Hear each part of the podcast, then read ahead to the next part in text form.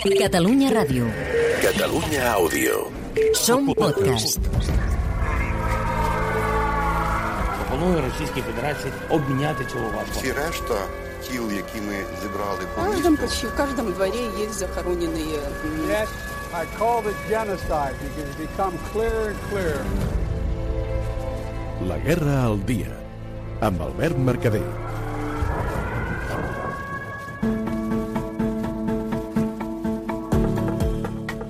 Hola a tothom.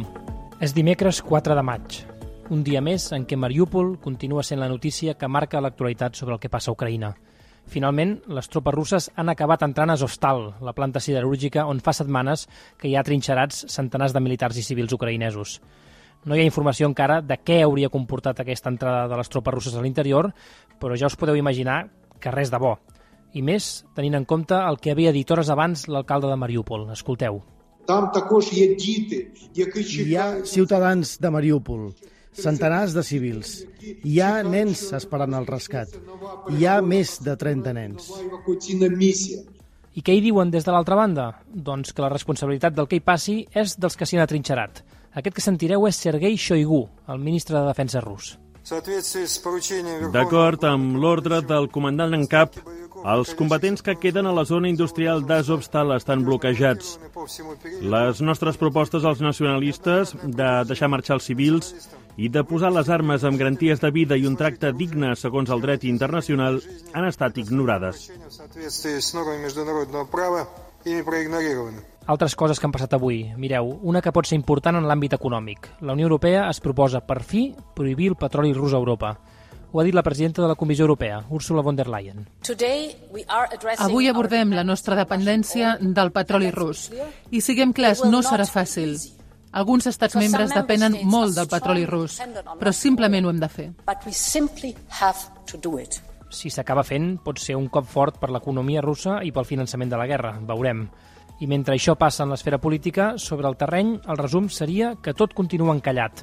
Els combats s'han enfocat ja clarament a l'est del país, però la situació es manté força estable. Els ucraïnesos van guanyant posicions al voltant de Kharkiv, aquí de fet els últims dies hi ha hagut una accelerada, i els russos ho van fent lentament a la zona del Donbass. Poques novetats aquí, vaja.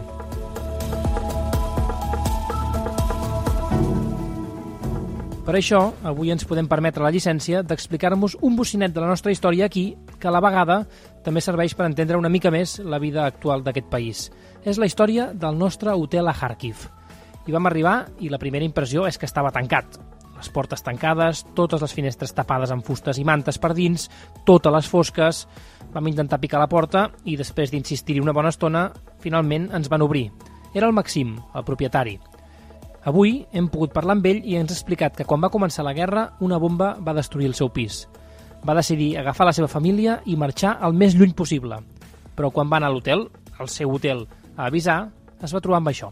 First decision was to run away. La primera decisió va ser marxar cap a Moldàvia, però quan vam arribar aquí vam veure que a l'hotel hi havia 30 persones. No sabien què fer, on anar, i vam decidir quedar-nos aquí i ajudar-los.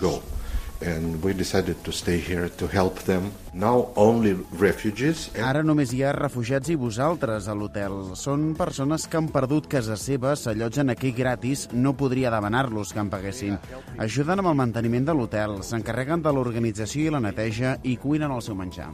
cooking the food. En un principi hi havia 30 persones, ara ja en són 47, la majoria famílies senceres. Però clar, qui sí que van marxar van ser pràcticament tots els treballadors de l'hotel. Així que ara, qui el fa funcionar són els refugiats, com l'Alexandra. Té 25 anys i està a l'hotel amb el seu marit i la seva filla. Jo havia treballat en aquest hotel fa un any, però ho vaig deixar. Ara vivia al nord de Kharkiv. Era molt perillós i per això vaig decidir venir aquí, el dia que va començar la guerra amb tota la meva família. El propietari ens va dir que no havíem de pagar i que ens podíem quedar aquí tot el temps que necessitéssim. Ara sóc la responsable del bar, el meu marit s'encarrega d'anar a comprar i hi ha gent que treballa a la cuina, tothom té alguna tasca a fer. Ha passat de ser un hotel a convertir-se en un espai autogestionat. Una gran casa on es fan les feines de manera col·lectiva. Cadascú té una responsabilitat, com l'Artim. I'm living here, uh, but uh, before war, uh, I work as... Estic vivint aquí, però abans de la guerra treballava en IT i màrqueting. Ara allotjo els clients de l'hotel. Em desperto, esmorzo i vaig a la recepció. Després ajudo a netejar i organitzar la recepció i el restaurant. Cleaning and organized reception, restaurant. I un cas encara més curiós és el del Nicolai. Ell ja era el cuiner de l'hotel els últims 4 anys. Ara continua fent el mateix que feia, però sense cobrar. A canvi, ell i la seva família viuen refugiats a l'hotel. He hagut d'adaptar el menú cuinant el menjar que tenim amb els productes que ens arriben. Aquí hi ha molts refugiats, gent a qui li han destrossat la casa, com és el cas del meu fill.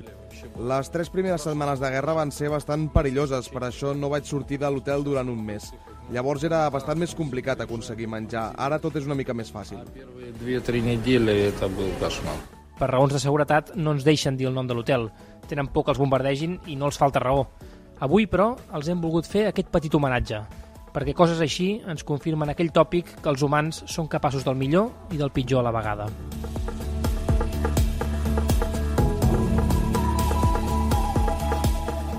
I així acabem la nostra estada a Kharkiv. D'allí partim cap a Dnipro, una ciutat a 200 quilòmetres, 3 hores i mitja per carretera. Un viatge, com tots aquí, amb aquesta banda sonora constant. Есть документ какой-то, кроме вот этого?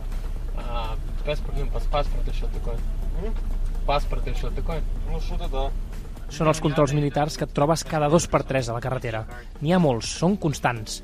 Militars que t'aturen, et demanen la documentació, et pregunten les intencions, revisen el cotxe i si tot està correcte et deixen continuar circulant. Són les rutines d'un país militaritzat. En creuem 5 i finalment arribem a Dnipro, al centre del país, una ciutat que ens ha rebut així.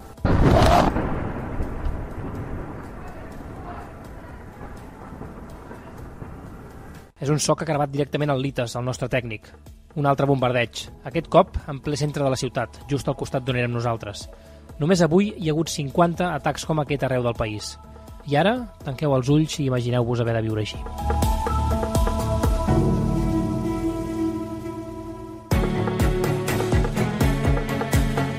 La Guerra al Dia és un podcast dels enviats especials de Catalunya Ràdio a la Guerra d'Ucraïna.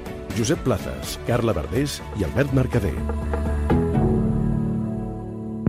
Catalunya Ràdio. Catalunya Àudio. Som podcast.